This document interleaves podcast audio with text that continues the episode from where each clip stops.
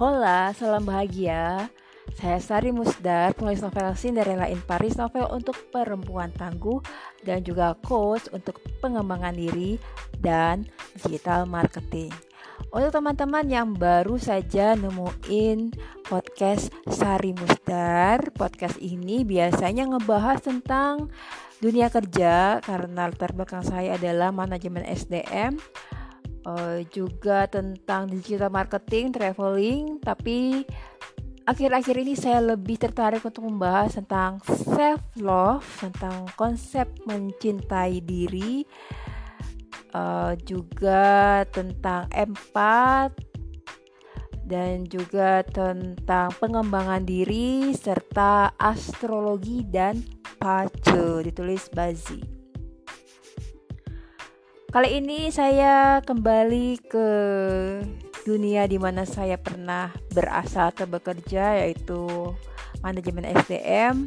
Saya pengen ngebahas tentang tips untuk membuat CV atau resume atau surat lamaran pekerjaan. Nah, kadang-kadang saya dulu kan kerja jadi HRD nih kita itu kan suka banyak perekrutan.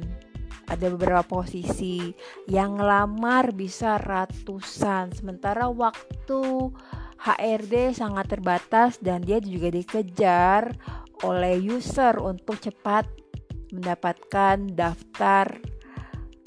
Orang-orang yang memenuhi syarat untuk uh, diseleksi untuk tahap pertama misalnya tahap administrasi atau tahap uh, wawancara awal misalnya atau tes awal misalnya. Kadang-kadang karena waktunya sangat sedikit tapi kita harus cepat memberikan daftar orang-orang yang terpilih untuk dipanggil tahap awal. HRD hanya bisa baca cepat, terlatih untuk membaca cepat resume mana yang akan kita baca sampai halaman terakhir atau enggak. Nah, jadi tips yang pertama adalah teman-teman harus membuat CV yang kalau bisa jangan terlalu berlembar-lembar. Uh, saya ras saya pikir tiga halaman itu sudah cukup ya untuk CV. Kecuali kalau teman-teman sudah banyak pengalaman kerjanya gitu ya. Uh, terus pilihlah font untuk tulisannya font yang tradisional seperti yang biasa-biasa aja ya. Jangan yang uh, Comic Sans atau yang miring-miring atau yang seperti tulisan tangan. Bisa pilih misalnya uh, Times New Roman atau Helvetica. Helvetica itu kesannya modern uh, rapih ya dan lebih menarik untuk dilihat. Terus untuk CV ya, ini kita bicara CV. Ada banyak contoh template CV yang menarik. Eh, teman-teman uh, bisa cari, coba pilih yang Euro Europass CV itu bagus ya. Uh, terus kalau bisa di sebaiknya di halaman pertama itu kalian sudah menulis objective statement. Di objective statement itu di bagian biasanya kan bagian atas itu kan ada nama kita, tempat tanggal lahir, alamat ya, alamat email atau uh, nomor HP kita. Terus di situ ditulis misalnya uh, Isinya kurang lebih adalah nama perusahaan yang saat ini dan juga jabatan teman-teman. Uh, terus apa posisi sekarang? Uh, dimulainya kapan sampai kap, uh, kapan gitu ya.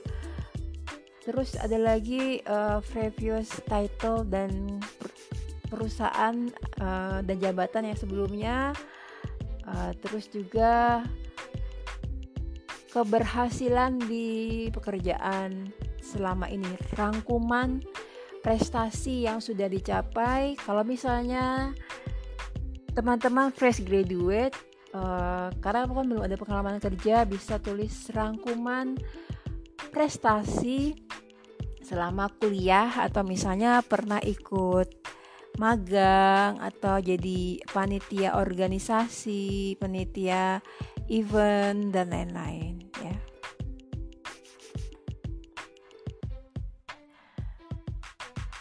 Lalu setelah itu bisa langsung diceritakan pekerjaan apa saja yang sudah kita lakukan. Dimulai dari pekerjaan yang paling terakhir, ya. Di data tentang pekerjaan sebaiknya di masing-masing pekerjaan yang sudah kita lakukan tulis uh, nama perusahaannya apa saja, terus uh, jabatannya saat kita saat ini dan saat kita masuk, uh, terus apa sih tanggung jawab kita di situ, uh, dan juga tulis kapan kapan kita bekerja mulai bekerja di tempat itu serta ada prestasi apa yang kita sudah capai di masing-masing perusahaan.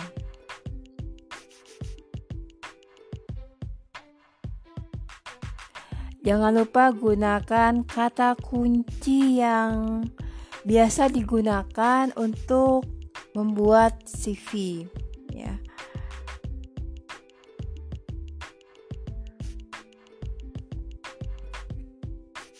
misalnya apa ya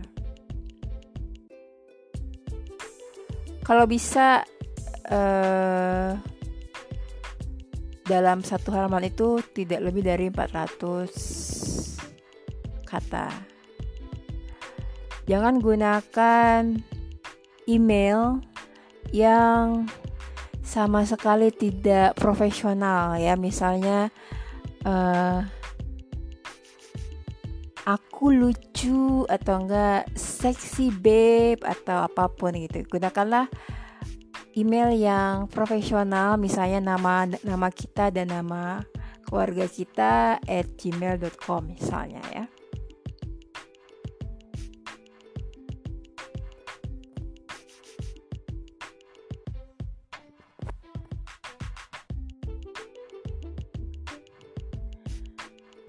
Kalau misalnya teman-teman melamar di perusahaan yang formal, bukan perusahaan kreatif misalnya, uh, lebih baik gunakanlah CV dengan warna hitam putih, ya. Kalau misalnya ingin menggunakan warna-warna boleh, tapi pilihlah warna-warna yang formal yang kelihatan uh, warna-warna yang cukup serius misalnya. Jangan terlalu berwarna-warna. Tapi kalau mau aman sih lebih baiknya hitam putih saja.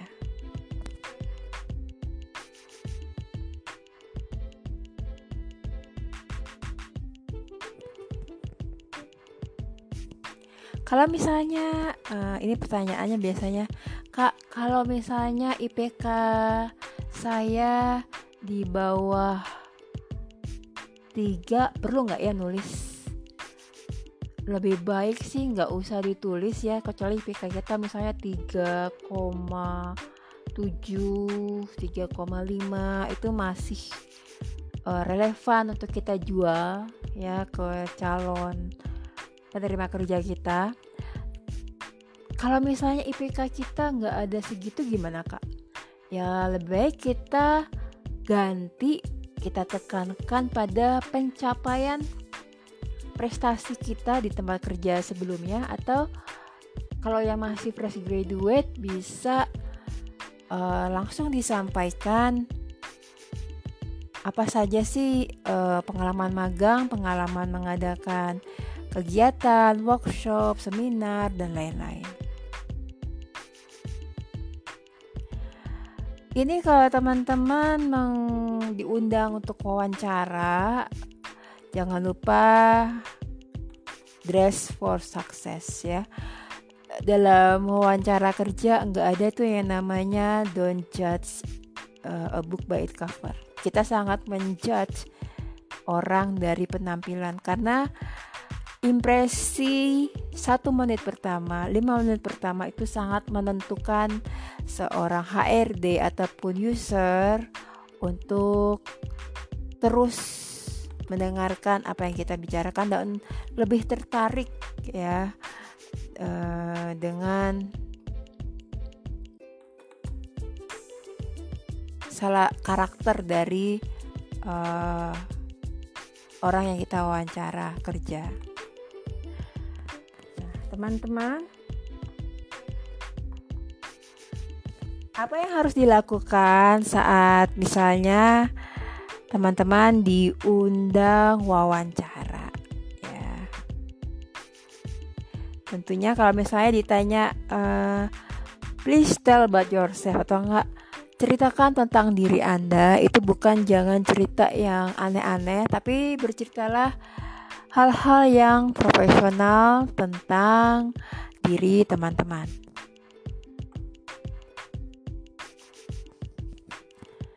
Uh, misalnya kalau ditanya tentang mohon ceritakan tentang diri Anda, Anda bisa memulai dengan berterima kasih. Uh, terima kasih saya sudah diundang untuk hadir di wawancara kerja ini. Nama saya adalah misalnya nama saya adalah Sita. Saya lulusan Fakultas Hukum Universitas Indonesia misalnya. Uh, kalau ada IPK-nya di atas 3,5 kita ceritakan IPK dengan IPK di IPK saya 3,8 saya lulus tepat waktu selama kuliah saya aktif di organisasi Asian Law Student Association misalnya atau di ISEC saya aktif di beberapa kepanitiaan. Uh, acara yang sukses saya panitiai adalah kita sebutkan terus saya juga pernah magang di perusahaan ini ini kalau misalnya teman-teman sudah kerja ya sebutkan uh, tadi kan saya sudah mulai dari kuliah di mana ya IPK berapa uh, saya terakhir saat ini bekerja di perusahaan ini sebagai apa jabatannya tanggung jawab saya adalah ini ini ini prestasi yang sudah saya kontribusikan ke perusahaan adalah ini ini ini. Saya tertarik untuk melamar di perusahaan Bapak atau Ibu karena kita sebutkan alasannya apa.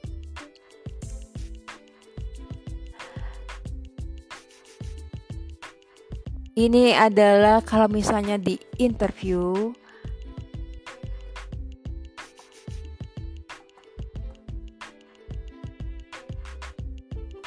ada beberapa kesalahan yang dilakukan oleh pelamar ya.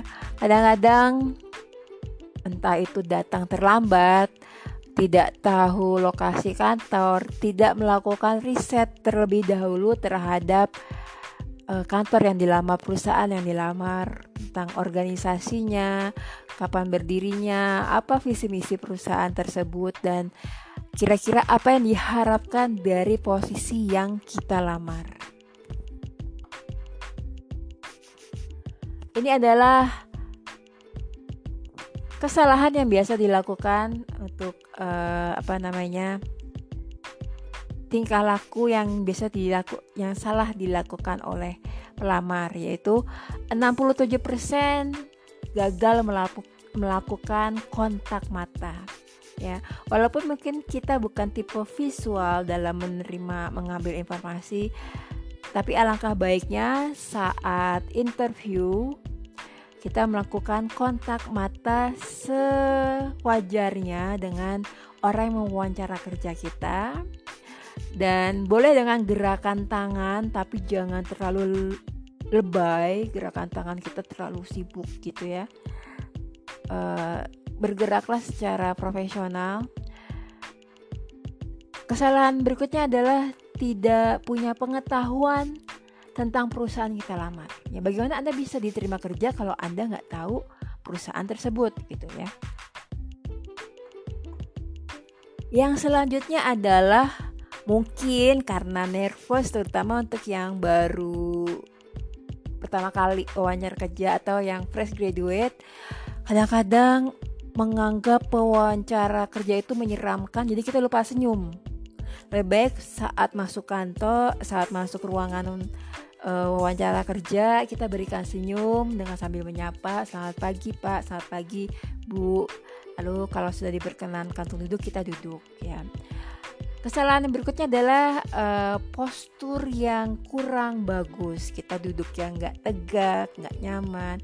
Kita menyilangkan kedua tangan di dada. Ya kesannya kan sombong. Jangan sampai seperti itu ya teman-teman.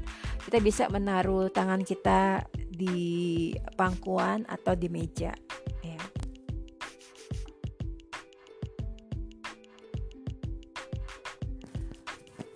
Ada juga kesalahannya mungkin karena terlalu takut kita tidak memberikan uh, salam apa namanya bersalaman ya berjabat tangan uh, kita kelihatan lemah.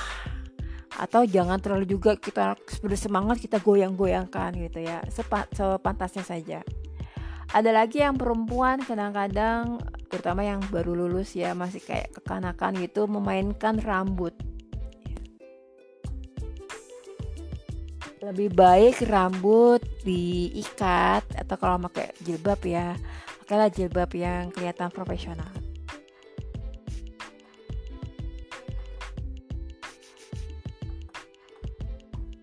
Berdasarkan survei dari 2000 recruiter, 33% dari mereka tahu dalam hitungan 90 detik sekitar satu setengah menit ya mereka tahu kira-kira orang yang mereka wawancara akan mereka pekerjakan atau tidak. Jadi satu menit pertama itu sangat menentukan teman-teman yang melamar pekerjaan. Berdasarkan data statistik juga first impression kesan pertama yang tadi itu di terlihat ya dari 50% dari bagaimana kita berpakaian, bertingkah laku dan uh, jalan saat kita masuk ke ruangan wawancara. 38 persennya ditentukan dari kualitas suara kita. Teman-teman bisa latihan dulu seolah-olah sedang wawancara di depan cermin mengatur suara supaya terlihat tegas dan profesional serta berwibawa tanpa terkesan takut atau misalnya bergetar misalnya dan juga kualitas eh, kata-kata uh, yang kita pilih serta confidence rasa percaya diri. 7 persennya adalah ditentukan oleh kata-kata yang kita pilih saat wawancara kerja. Ini adalah 10 kesalahan yang biasanya dilakukan saat wawancara kerja. Yang pertama adalah terlalu menjelaskan kenapa kita kehilangan pekerjaan di pekerjaan terakhir atau kita uh, kenapa kita resign misalnya. Kalau nggak ditanya kita nggak usah menjelaskan tapi kalau ditanya kita jelaskan saja jangan jelaskan hal yang terlalu personal. Misalnya saya nggak suka sama bos saya. Eh, sebaiknya kita pilih alasan kita kemas alasannya yang sangat profesional. Cukup dengan kata-kata yang singkat. Yang kedua adalah kita terlalu berusaha untuk meyakinkan bahwa kita tidak e, merasa kehilangan kerjaan kita yang sebelumnya. Yang ketiga adalah e, mungkin karena terlalu nervous ya kadang-kadang e, kita jadi lupa senyum e, pas saat misalnya usernya lagi berusaha untuk bercerita lucu kitanya nggak bereaksi ketawa atau kita nggak punya karakter yang hangat. Ya bagaimanapun kan uh, di dunia kerja itu perlu namanya hubungan interpersonal. Dari situ juga pewawancara kerja juga tahu, oh kira-kira orang ini punya interpersonal yang bagus atau enggak. Yang keempat adalah ini entah karena mungkin juga karena nervous juga ya, jadi kita gagal untuk uh, membangun hubungan yang baik uh, saat wawancara kerja sehingga oleh pewawancara kerja terlihat kita tidak menunjukkan antusias atau tidak menunjukkan ketertarikan dalam pekerjaan ini. Padahal kita sebenarnya tertarik cuma karena grogi, jadi kesannya kok nih orang jawabnya malas-malesan gitu ya, atau kesannya nggak siap banget saat di interview. Yang kelima adalah kekurang kekurangan riset uh, tentang perusahaan tersebut. Saat ditanya misalnya apa yang anda tahu tentang perusahaan ini? Atau apa yang anda tahu tentang jabatannya anda lamar? Biasanya pelamar yang gak riset dengan cukup dia nggak bisa menjelaskan dengan baik. Dan buat seorang pewawancara kerja atau HRD atau usernya ini sangat mengecewakan gitu. Ngapain ya diundang uh, tapi dia tidak melakukan riset sebelumnya. Yang keenam, uh, kadang-kadang pelamar kelihatan sangat saking sangat fokusnya apa yang kita inginkan. Misalnya uh, dia langsung bertanya, kira-kira saya bisa terima kerja kapan atau kira-kira gajinya berapa? Padahal ini masih wawancara tahap awal misalnya. Yang ketujuh adalah kita terlalu kelihatan hmm, pengen bisa untuk segala hal gitu loh. Padahal nggak perlu juga gitu. Kita kan melamar untuk satu posisi dengan job desk tertentu. Yang berikutnya adalah gagal untuk uh, menciptakan perbedaan dengan pelamar yang lain. Kira-kira apa sih kelebihan kita sehingga kita harus dila, uh, dipekerjakan oleh perusahaan? Yang berikutnya terakhir adalah mungkin karena terlalu asyik atau terlalu grogi, kita sampai lupa tanya tentang pekerjaan yang kita lamar.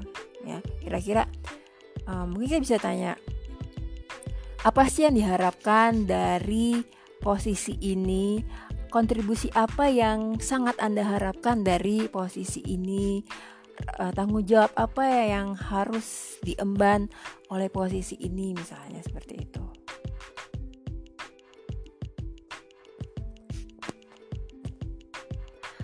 Dan biasanya pertanyaan yang muncul dalam wawancara kerja adalah pertama biasanya tentunya uh, mohon please explain about yourself atau enggak mohon ceritakan tentang diri Anda. Yang kedua adalah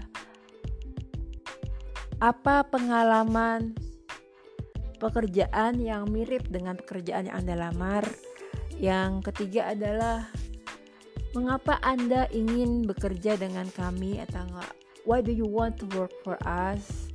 Yang berikutnya adalah apa yang Anda ketahui tentang perusahaan kami atau What do you know about our company? Yang berikutnya adalah Why did you leave your previous job? Ini pertanyaan jebakan. Kita bis, mesti uh, bisa berdiplomasi saat menjawabnya. Lebih baik misalnya kalau perusahaan kita lamar lebih dekat dengan rumah kita, kita bilang aja e, karena perusahaan Anda dekat dengan rumah saya, saya ingin uh, bisa lebih banyak waktu di kantor tanpa ketakutan untuk pulang malam misalnya atau uh, saya ingin lebih berkembang lagi karena perusahaan Anda adalah perusahaan terbaik untuk uh, jenis industri ini misalnya. Terakhir sebelum saya tutup podcast untuk tips dunia kerja untuk uh, CV dan wawancara kerja, ini adalah tips terakhir dari saya. Empat tips yang paling penting saat wawancara kerja. Yang pertama adalah satu, Jangan lupa untuk belajar, mempelajari, riset, karena sekarang kan sudah ada Google, sudah ada internet. Jangan lupa untuk riset tentang perusahaan tersebut, apa prestasinya, siapa pendirinya, kenapa perusahaan tersebut ada, visi misi perusahaan tersebut seperti apa, terus tentang departemen yang Anda lamar, tentang pekerjaan yang Anda lamar, terus uh, lokasi, lokasi juga anda harus tahu kira-kira sampai lokasi itu berapa jam supaya Anda bisa datang minimal uh, eh, 15 menit atau 30 menit sebelum jam interview. Yang kedua adalah Anda mesti tahu